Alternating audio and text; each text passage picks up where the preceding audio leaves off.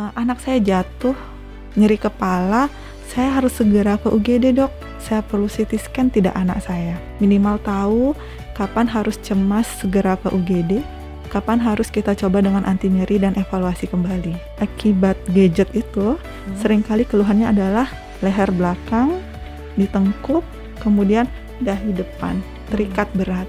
Sangat sering sekali berulang nyeri kepala seperti ini. Memang kita sarankan untuk memastikan apakah ada gangguan mata atau tidak. Gangguan mata ya? Minus Oh. yang perlu terkoreksi maksudnya. Beberapa penelitian mendapatkan memang yang murni migrain, sisi nyeri kepala tidak bisa berpindah. Hmm. Jadi hari ini kanan, bila nanti muncul akan kanan lagi.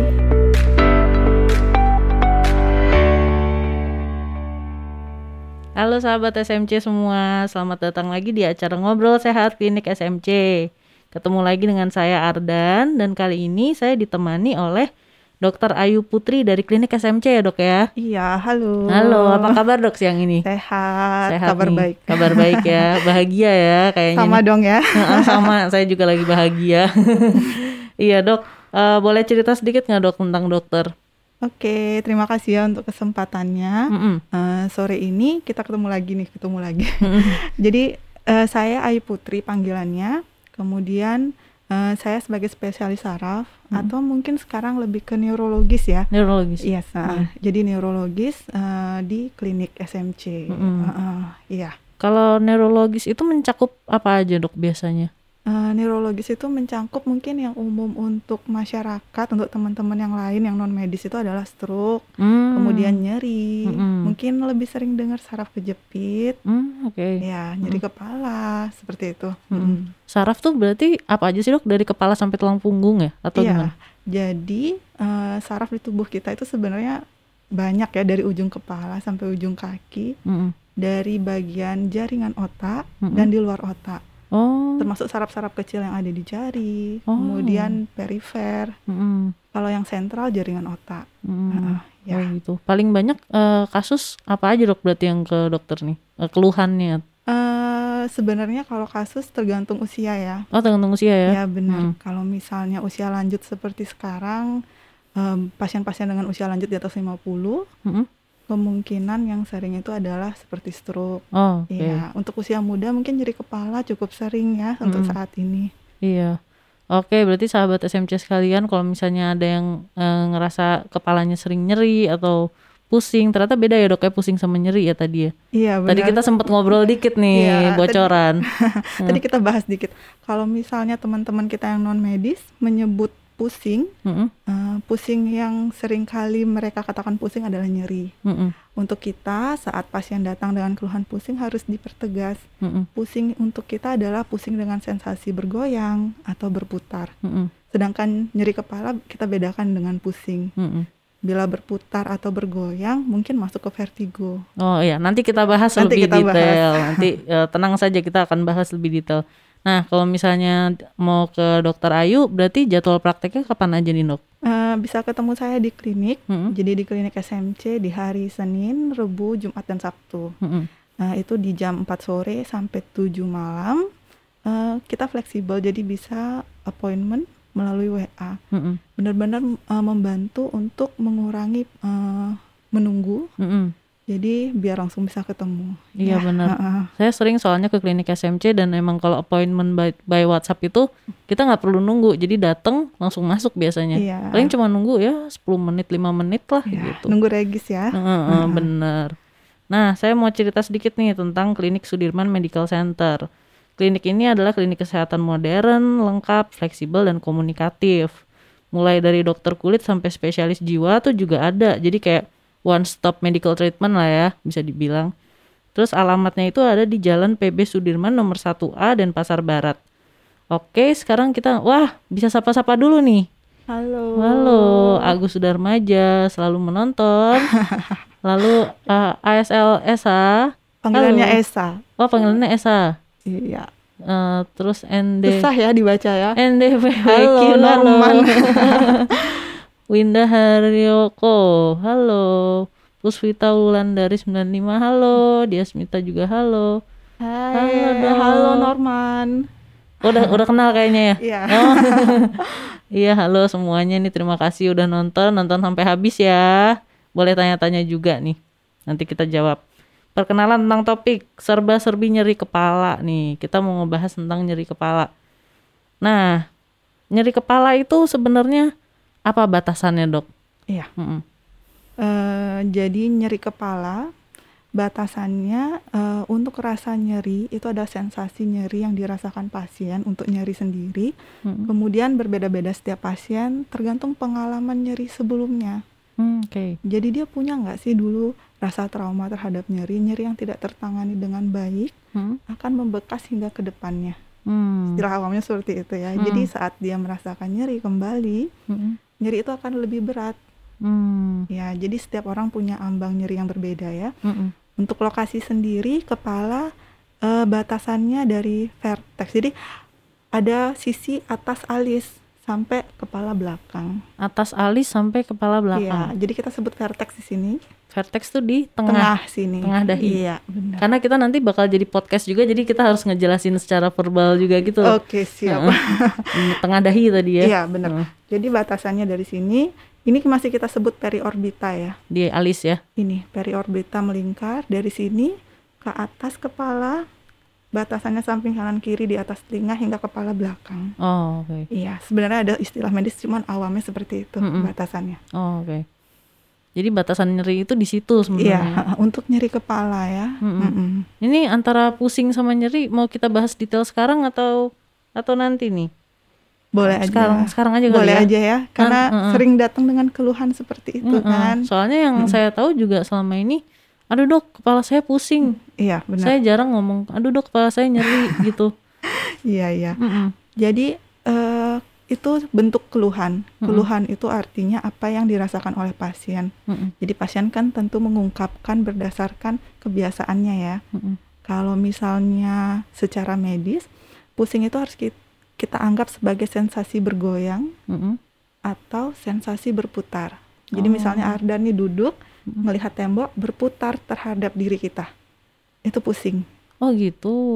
Kedua, kita duduk melihat tembok bergoyang seperti di perahu. Itu pusing. Oh.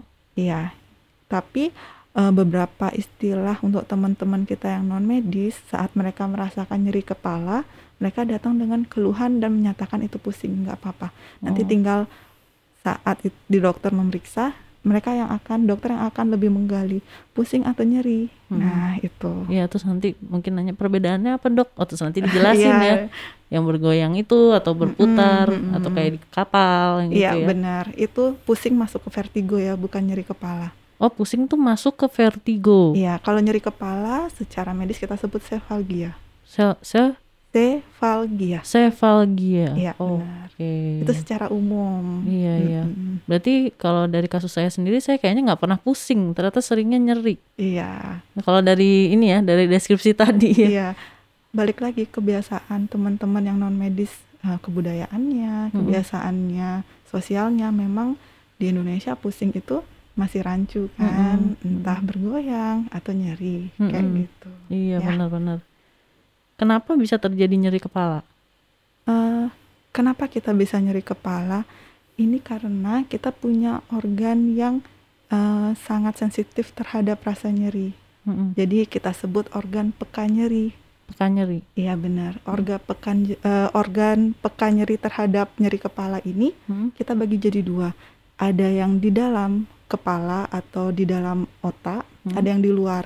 Mm. Nah, kalau yang di luar ini kita sering dengar nih gusi, gigi, sinus, itu Oh. semua peka terhadap nyeri, Mm-mm. termasuk otot. Mm-mm. Heeh, kemudian otot dan beberapa saraf yang ada di luar eh, jaringan otak. Ini kita sebut ekstrakranial. Mm. Jadi di luar kepala. Mm-mm. Untuk yang intrakranial atau di dalam jaringan otak, Mm-mm.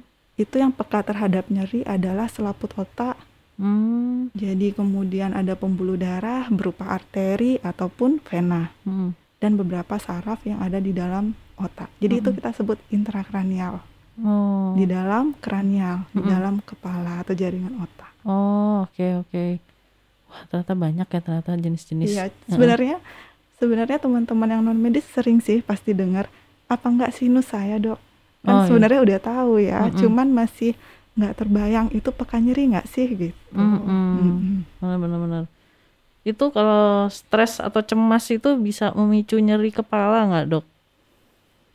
Eh, stres atau cemas Mm-mm. eh, bisa memicu nyeri kepala, Bisa ya? bisa terutama eh, kondisi saat ini ya, Mm-mm. di mana semua orang eh, sangat eh, terpengaruh akibat kondisi pandemi ya. Mm-mm. Mau nggak mau eh, terasa atau tidak pasti ada rasa cemas. Mm-mm. Respon tubuh terhadap rasa cemas itu sangat beragam. Nggak sama nih saya atau Ardan nih, Mm-mm. nggak sama kan. Ada yang nggak bisa tidur malam, Mm-mm. ada yang bentuknya kita sebut nyeri tengkuk. Ini nyeri semua Mm, Iya. sehingga mempengaruhi nyeri semua kepalanya. Itu juga Oh. bisa. Mm. Jadi Iya. bisa mempengaruhi ya rasa Mm-mm. cemas dan stres yang dialami. Itu mungkin kalau di istilah psikiatri psikosomatis enggak ya? Beda lagi ya? Beda lagi sih. Beda Cuman lagi ya? kadang rasa cemas yang tidak bisa dihadapi oleh pasien memang butuh bantuan, Hmm. bantuan cerita ke psikiatri. Mm-mm. Mungkin lebih nyaman Mm-mm. untuk menyamankan istirahatnya juga gitu. Oh, oke oke oke. Kalau tipe nyeri kepala. Hmm, sebenarnya untuk tipe nyeri kepala kita bagi dari penyebabnya ya. Mm-mm. Penyebabnya itu yang ada yang primer, ada yang sekunder. Mm-mm. Jadi primer itu diartikan memang kita eh, belum mengetahui dengan pasti penyebabnya apa.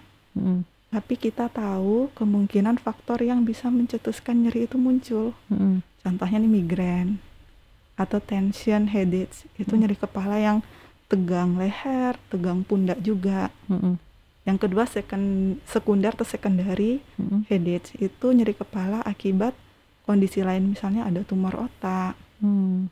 atau mungkin penekanan pada saraf eh, saraf otaknya yang sudah kita ketahui. Mm. Jadi ada dua berdasarkan penyebabnya. Oh, oke oke oke. Mulai ada pertanyaan? Iya.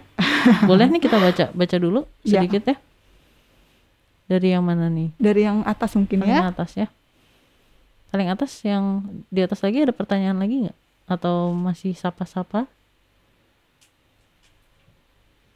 Oke. Dari I Imade gede Dwi Adnyana. Sorry ya kalau salah. Mau mataku agak-agak siwer. Benar benar benar. Benar ya. Dok mau tanya, apakah setiap nyeri kepala kita minum obat terus-menerus? Apakah bahaya? Solusinya gimana dok? Kayak ini disimpan ya untuk yang Nanti terakhir ya. penanganan ya. Oke nanti kita jawab pasti. Kita catat. Mm-mm. Wah ada Pak Bebek Gaduh. Wah ini selalu Halo. menonton nih. Eh, Oke yang bawah Manik Rapitri. Selamat sore dok, saya ingin bertanya kakak saya sering sak- sekali sakit kepala, bahkan bisa sampai dua hari tidak hilang. Kira-kira apa penyebabnya dok dan penanganan apa yang harus dilakukan? Terima kasih. Oke. Kita bahas sedikit ya Bahas untuk sedikit penyebab boleh. ya. Mm. Kenapa sih dok eh, nyeri kepala bisa selama ini? Mm-mm.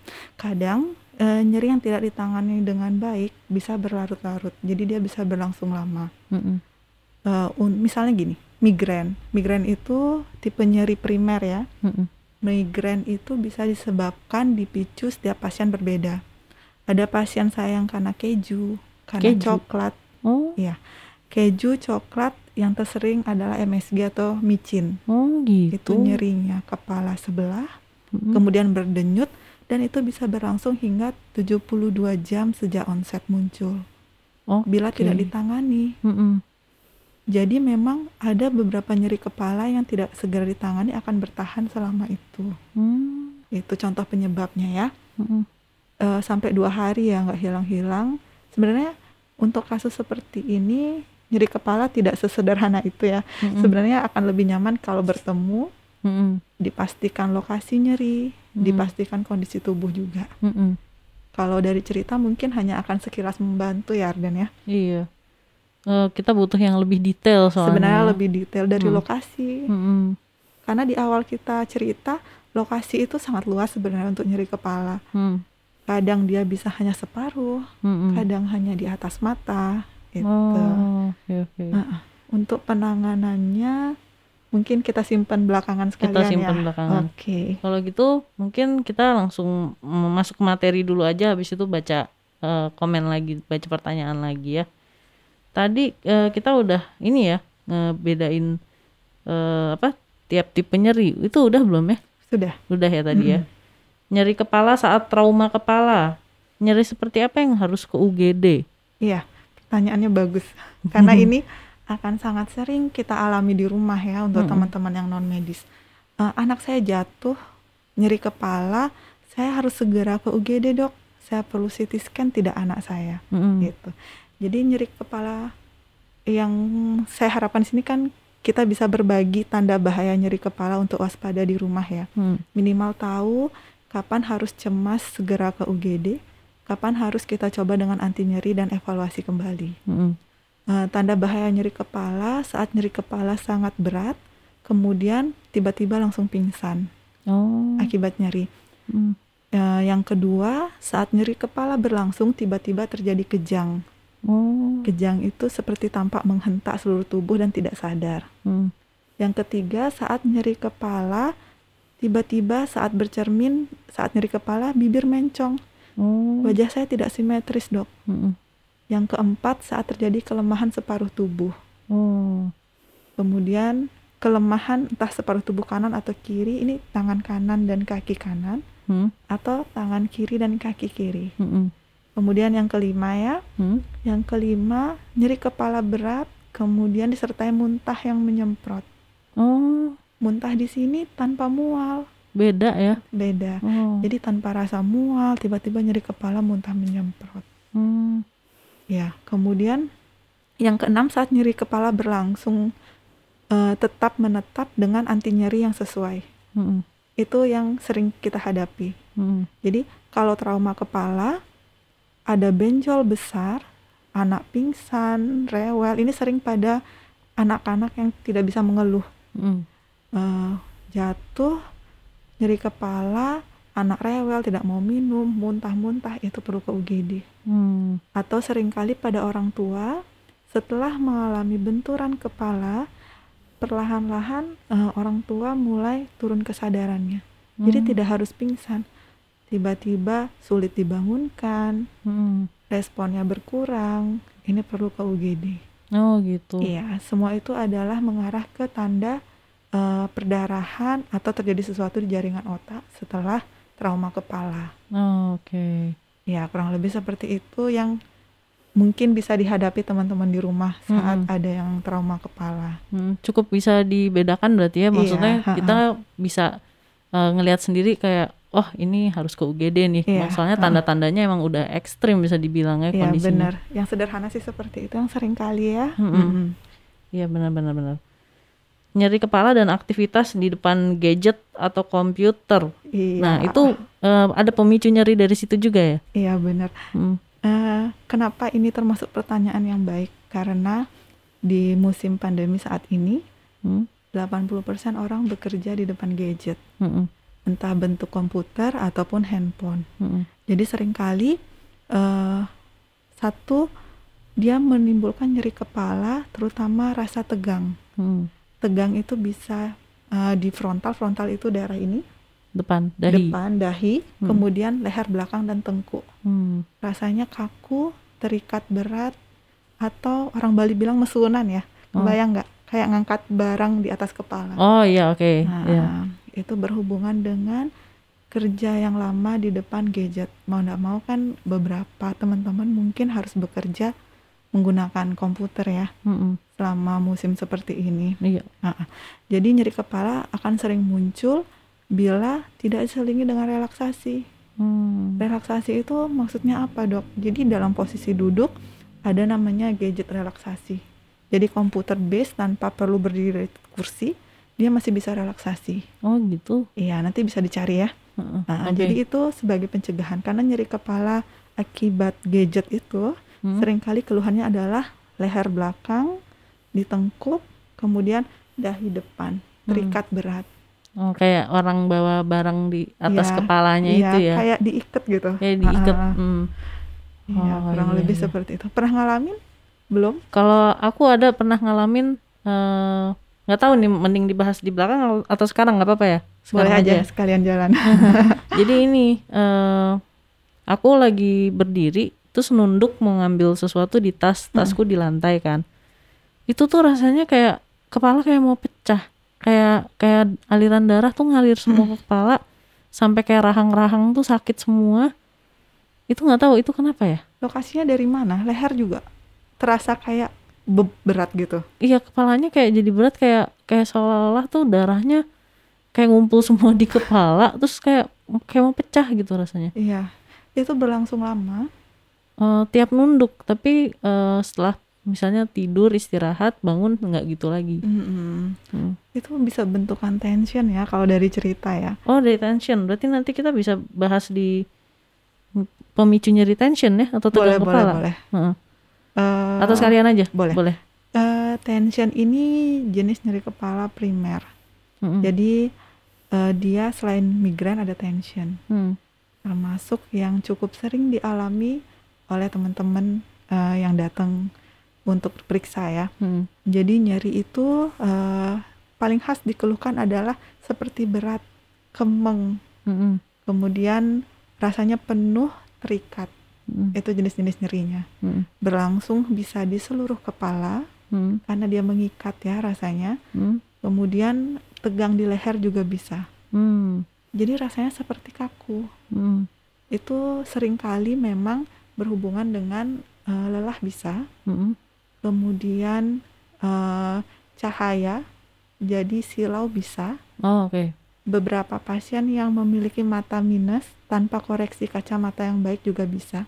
Hmm. Artinya koreksi tidak baik itu mata minus berapa dia tidak menggunakan kaca. Jadi kan otot mata eh, overuse ya Mm-mm. karena tidak dibantu koreksi oleh kacamata. Mm-mm. Nah, itu je- eh, tipe nyeri kepala yang tension. oh Iya, oke itu tension itu tegang kepala ya tegang bener. Hmm. Tension tipe. tension Nyeri kepala tegang ya mungkin. nyeri nyeri Lebih sering. kepala tegang oke mau mulai baca lagi oh Oke, boleh. oke Gexrita sorry dok eh sore dokter sorry kok sorry Sorry, Sorry, dokter. Iya, dok saya mau tanya, saya hampir setiap hari sakit kepala dan selalu sakitnya sampai ke mata. Dan sakitnya itu pun luar biasa yang saya rasain, dok. Kira-kira penyebabnya apa ya, dok? Kalau dari lokasinya seperti yang kita cerita tadi ya. Hmm, Jadi eh, tegang, terikat, dia bisa hingga mata. Jadi di daerah sini Mm-mm. dirasakan tegang. Di di atas mata ya, di Mm-mm. a- alis, area alis itu. Di atasnya, di sini. Di ya. atasnya Ha-ha. alis. Oh, Sering sampai di sini, di sampingnya. sampingnya Iya benar. Hmm, Memang sangat terpengaruh oleh aktivitas. Mau tidak mau juga rasa cemas. hmm, Iya.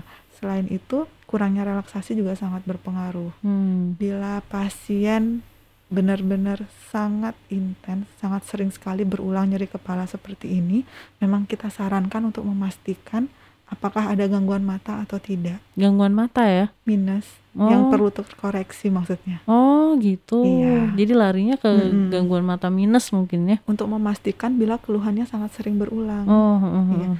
Kita juga sarankan untuk pasien yang menggunakan kaca, walaupun tanpa keluhan, tolong dicek apakah kacamata masih cocok tidak. Oh iya, biasanya enam bulan sekali ya? Iya benar.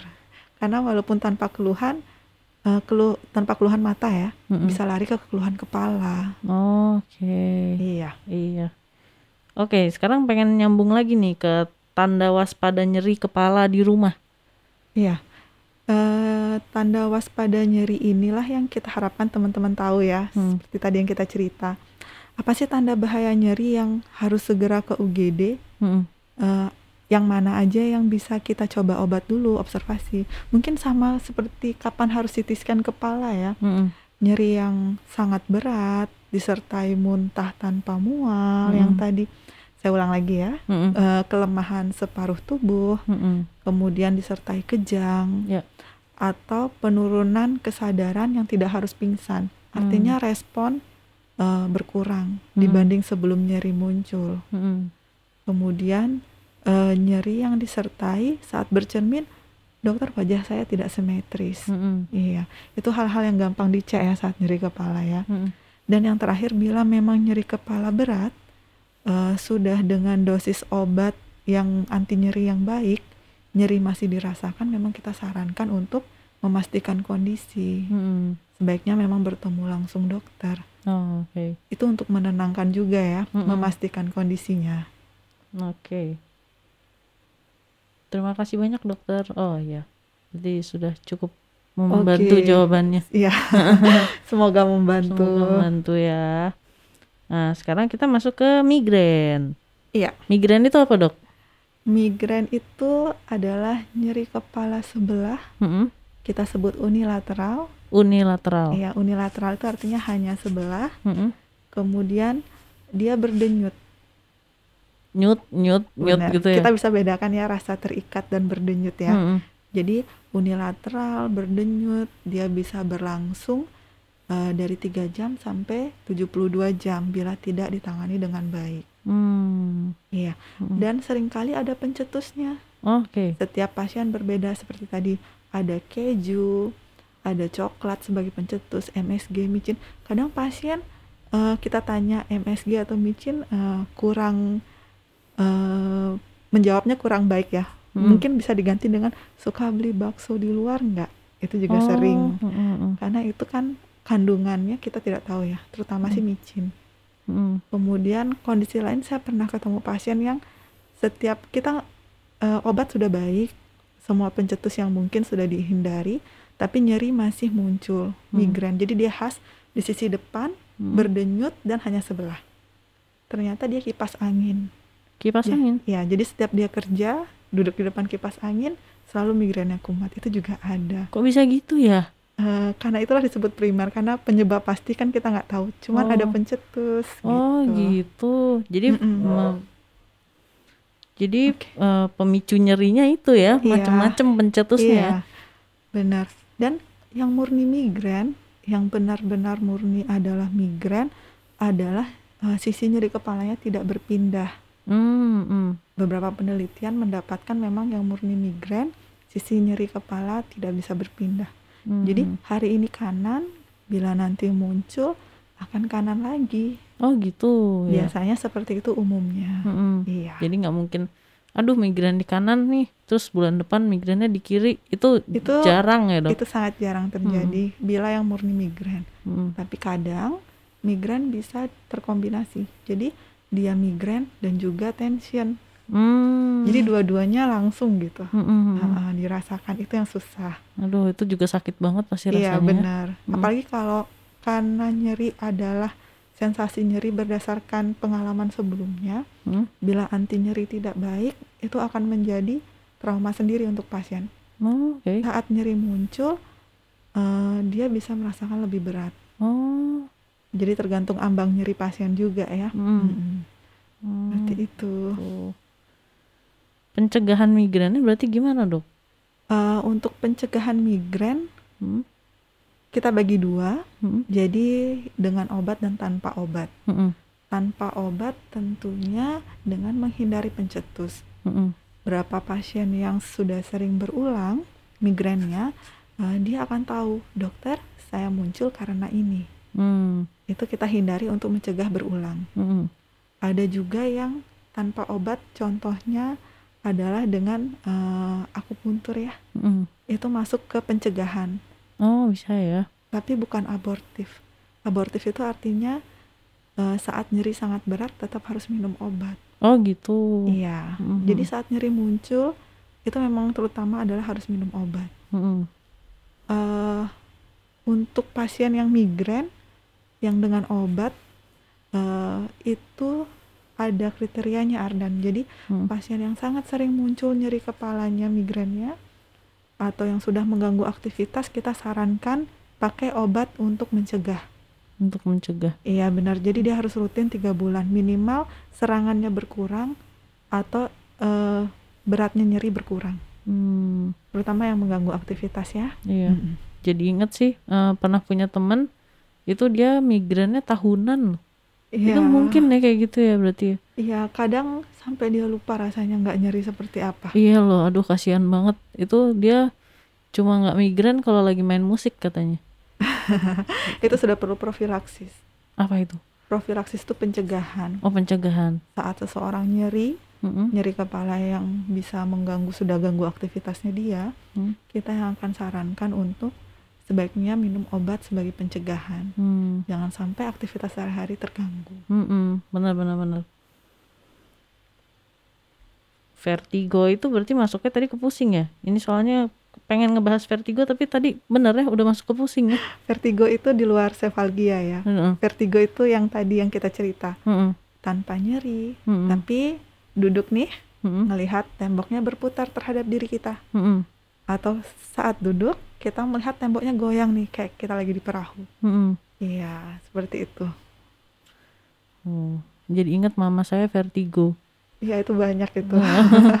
kasihan setiap vertigo tuh pasti langsung pegangan gitu Benar, aduh benar. mama vertigo emang rasanya kayak apa mah kayak muter katanya gitu Iya, benar. bener ya kayak gitu ya Beliau nggak akan berani buka mata kan? iya pasti merem Iya, langsung merem iya benar. Setiap perubahan posisi kepala pun akan muncul. oh gitu Iya, sedikit tentang vertigo ya. Heeh, iya benar benar benar. Penanganan nyeri berarti gimana dok? Penanganan nyeri kita bagi dua. Mm-mm, Saat nyeri itu muncul, Hmm. kita sebut simptomatis atau abortif. mm-mm. Jadi saat nyeri muncul, eh, kita obati dengan anti nyeri. Minum obatnya berarti ya? Benar. Mm-mm. Minum obat minimal kita selalu punya cadangan obat kan di rumah ya. Mm-mm, Minimal kita punya paracetamol. Mm-mm, Paracetamol kita dapat gunakan sebagai anti nyeri Hmm. dengan penyesuaian dosis dengan berat badan. mm. Ya, itu obat yang eh, paling mungkin ada di rumah mungkin Mm-mm. Ardan ya untuk saat Iya. ini ya. Mm-mm, Kemudian yang kedua adalah penanganan dengan eh, saat nyeri tidak muncul. mm. Kita sebut profilaksis atau pencegahan. Mm, Gimana mencegah biar nyeri kepala tidak muncul? Misalnya migrain, eh, bila memang sensitif atau pencetus adalah makanan tertentu, kita sarankan pasien ingatkan kembali ini harus dihindari. mm. Gitu. Mungkin eh, yang lainnya adalah dengan relaksasi. mm. Seperti harus bekerja di depan gadget, walaupun belum ada keluhan, disarankan 15 sampai 20 menit sekali kita lakukan relaksasi.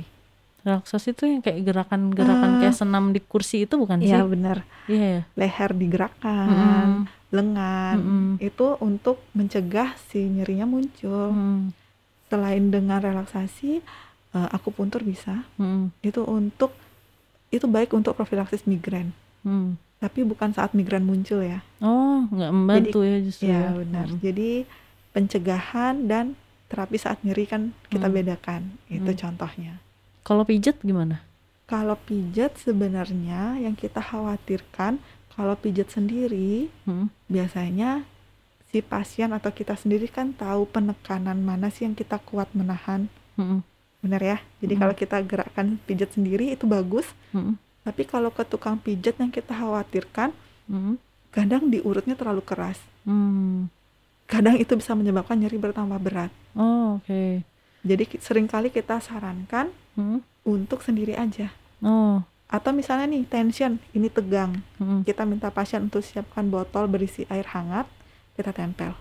mm. Itu termasuk untuk mencegah dia menjadi lebih berat. Oh, membantu ya itu ya. Yang- Jadi dengan hangat, eh, tengkuk leher yang kaku akan menjadi relaksasi. Mm, Jadi dia mencegah nyerinya hingga ke seluruh kepala. mm, mm. Kemudian it- eh, itu sih relaksasi, pijat, Eh, salon pas pernah? Oh iya, salon pas. Iya, itu ada Koyok gitu kan? benar. Heeh. Itu kandungannya namanya capsaicin. Mm-mm. Itu bisa anti nyeri juga dan relaksasi. Oh. Ngaruh berarti ya. Selama tidak ada iritasi kulit. Oh iya betul betul. Benar. Soalnya kan dia panas ya. Benar. Karena itu bagi pasien yang baru mencoba kita sarankan yang biasa aja. Hmm. Kan ada yang cabe ya. Iya, cabai benar. Dan kalau sudah iritasi tolong hentikan. Mm-mm, Berarti langsung memang dicopot. sensitif, jangan Mm-mm. gitu. Kalau apa asam mefenamat ya? Ya. Itu gimana?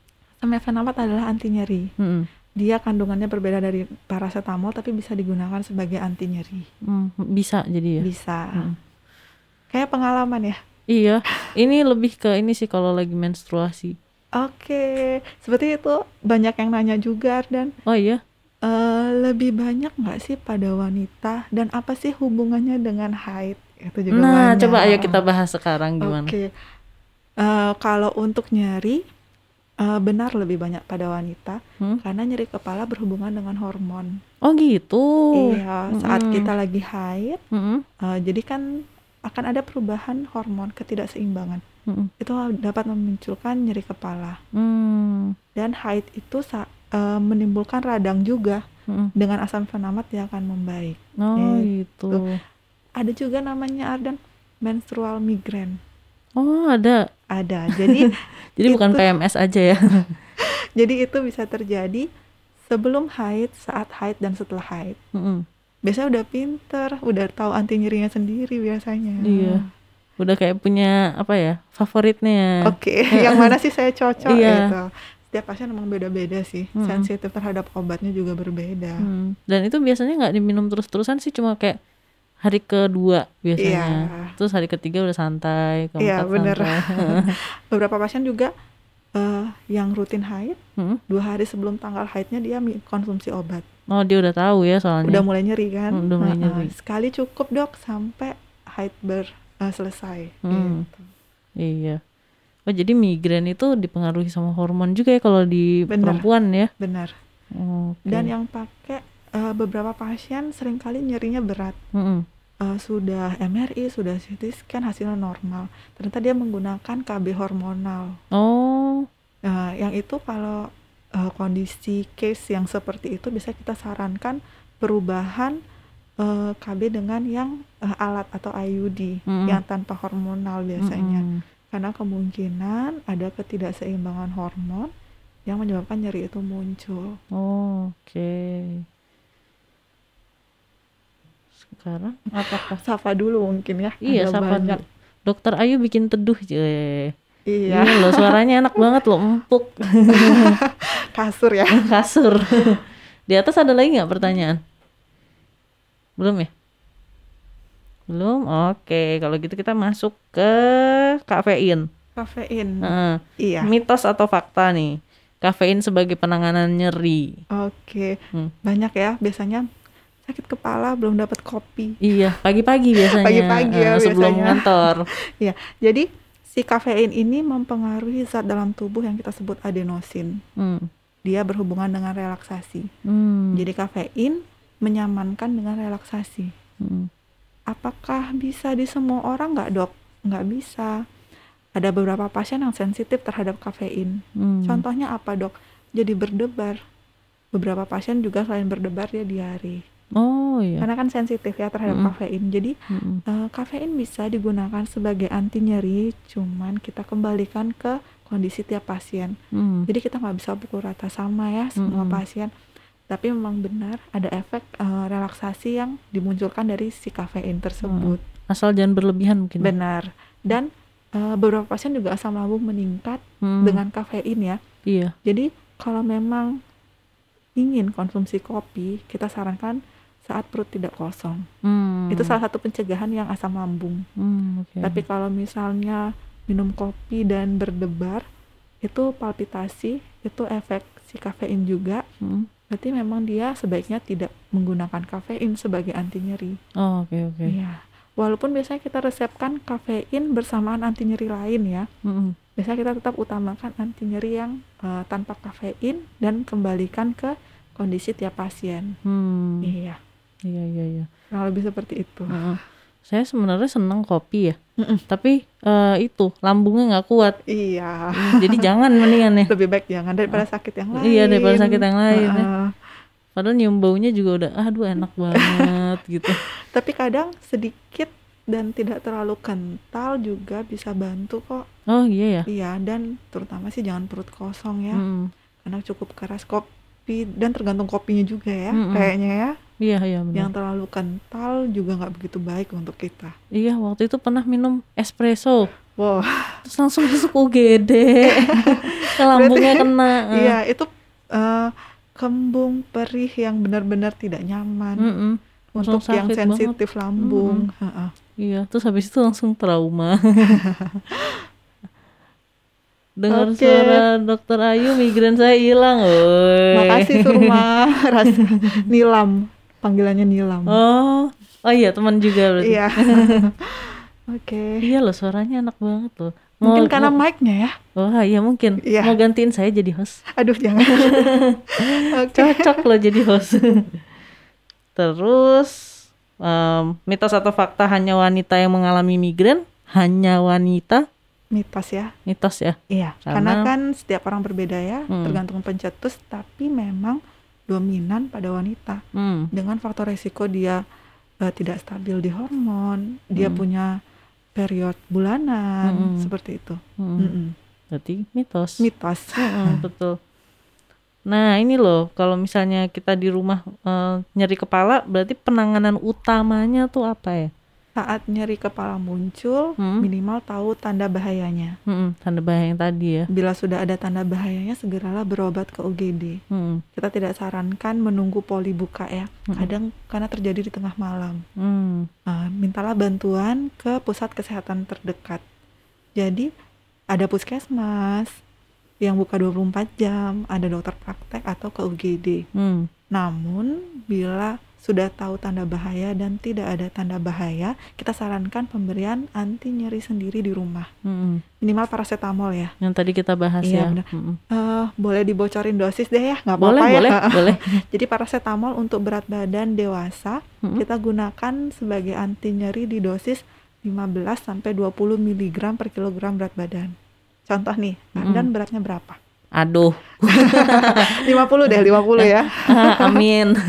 Jadi 50 kita kali 15. Mm-mm. Itu kurang lebih berapa tuh? 75 ya? Ya. Ya, jadi 750. Jadi minumlah misal Panadol ya.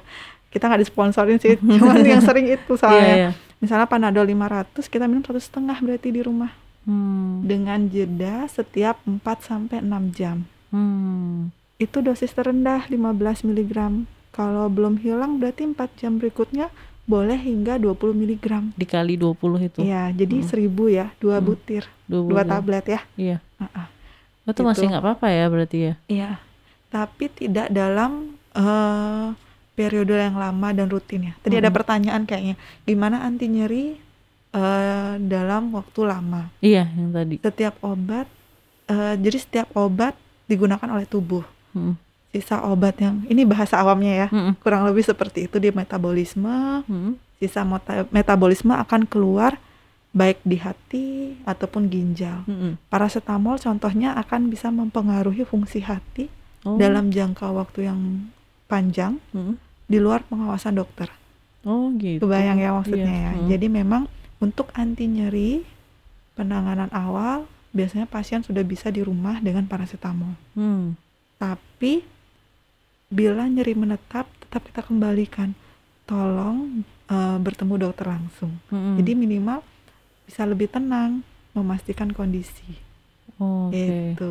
Ini ada cerita lagi dok. Eh, Iya. cerita pengalaman pribadi. Jadi saudara saya itu punya ibu Mm-mm. eh, tiap hari nyeri kepala. Mm-mm.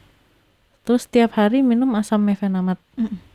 Terus beliau me- meninggal eh, dan itu katanya sih karena terlalu banyak mengkonsumsi asam Mm-mm. mefenamat karena setiap hari itu Mm-mm. itu benar kayak gitu nggak sih dok maksudnya Mm-mm. itu soal soalnya kan kita dengernya dari kabar-kabar keluarga Iya, ya ha, jadi nggak yang dari dokter langsung Iya.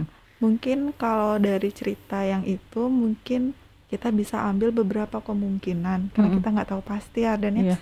eh, asam mefanamat itu bisa meningkatkan asam lambung. Jadi Hmm. dominan nih anti nyeri yang kita sebut NSAID Mm-mm. berpengaruh terhadap lambung. Mm-mm.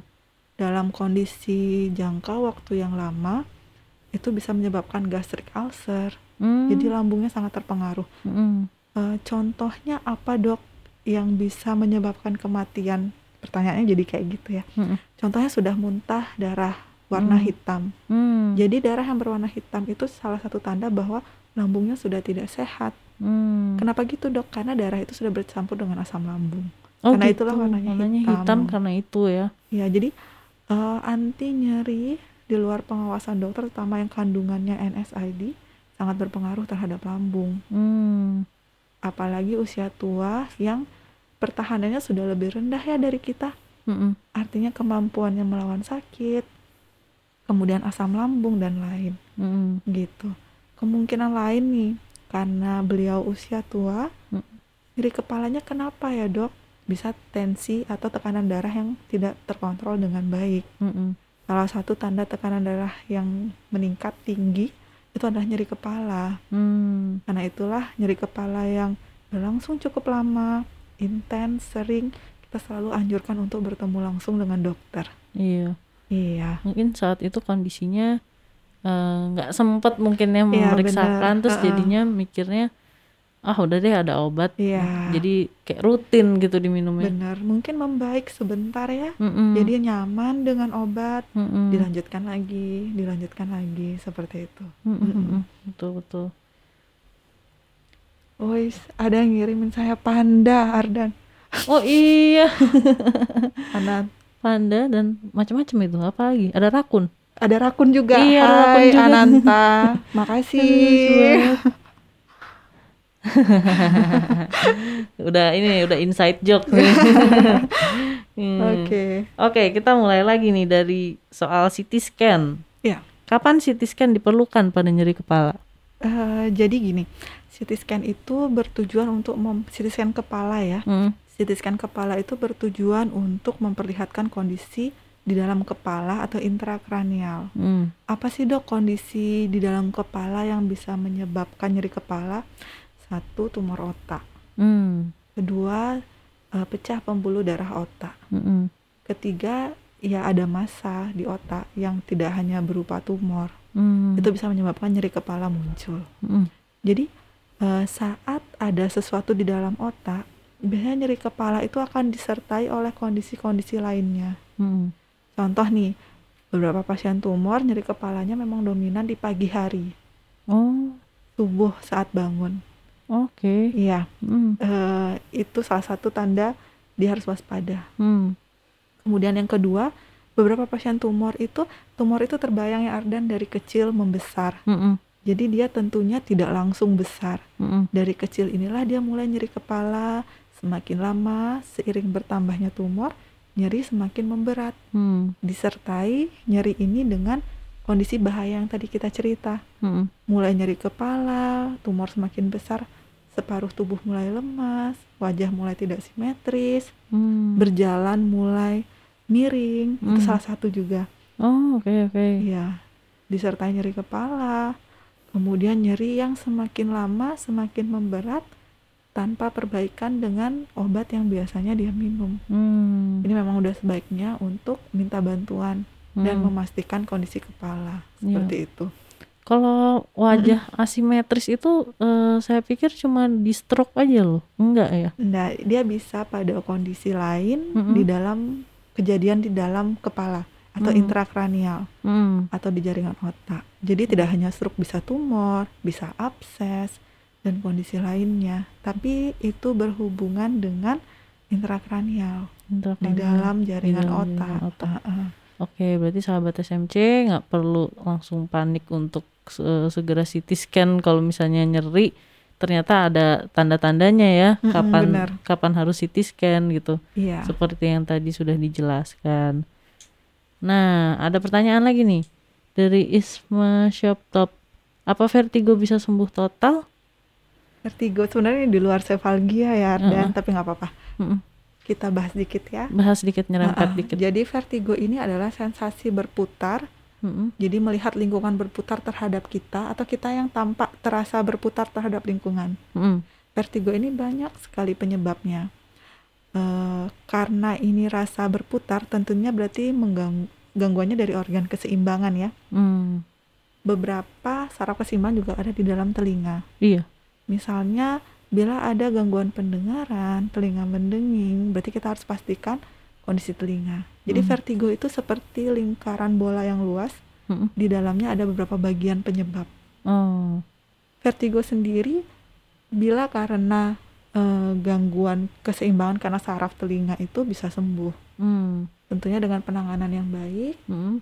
Kemudian namun vertigo sendiri juga ada yang berhubungan dengan proses di dalam kepala Mm. misalnya struknya di lokasi tempat pengaturan keseimbangan tubuh Mm.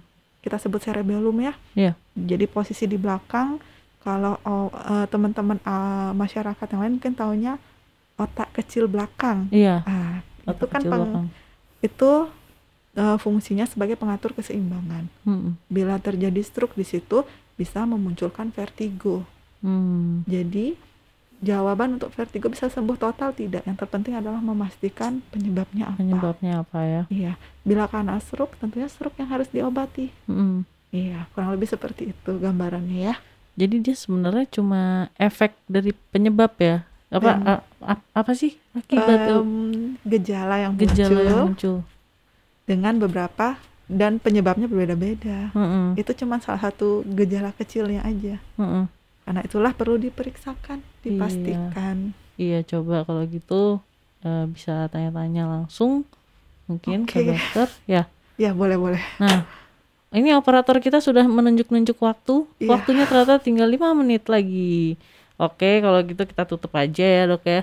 Iya, Nanti kalau misalnya ada pertanyaan Hmm. lagi boleh tanya ke mana nih dok? Langsung ke IG klinik SMC aja. boleh. Siap. Oh, nanti bisa, ya. dijawab ya. Ha-ha. Bisa Oke. dibantu di situ ya. Iya.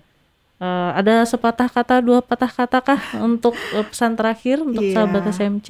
Eh, sekali lagi terima kasih kesempatannya. Sama-sama. Eh, kita di sini sih berharap bisa berbagi ya, berbagi ilmu minimal, mengetahui nyeri kepala mana sih yang berbahaya untuk teman-teman waspadai di rumah. Mm-mm. Jadi tidak perlu cemas saat nyeri kepala muncul. Mm. Minimal kita bisa tahu yang mana yang berbahaya, yang mana tanda waspada dan mana yang bisa diberikan obat penanganan awal dan diobservasi. Mm-mm.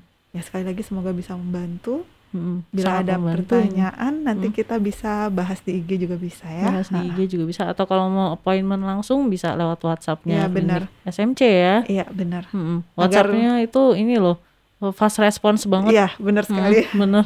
Eh, via WA bisa, SMS bisa, Hmm. bisa dibantu meminimalkan untuk bertemu terlalu banyak orang dan menunggu lama ya. Iya benar. Oke. Oke, eh, terima kasih banyak nih Dokter Ayu sudah Sama-sama. berkenan hadir di acara ngobrol sehat klinik SMC. Tentunya sahabat SMC udah dapat banyak pengetahuan ya dan terima kasih banget udah nonton dari awal sampai akhir dan melayangkan pertanyaan-pertanyaan. Semoga jawabannya eh, cukup membantu ya dan kalau misalnya masih ada pertanyaan bisa lewat IG klinik SMC. Nah, eh, simak terus ngobrol sehat klinik SMC yang hadir seminggu sekali kami harus undur diri dulu. Terima kasih sahabat SMC. Sampai jumpa. Sampai jumpa.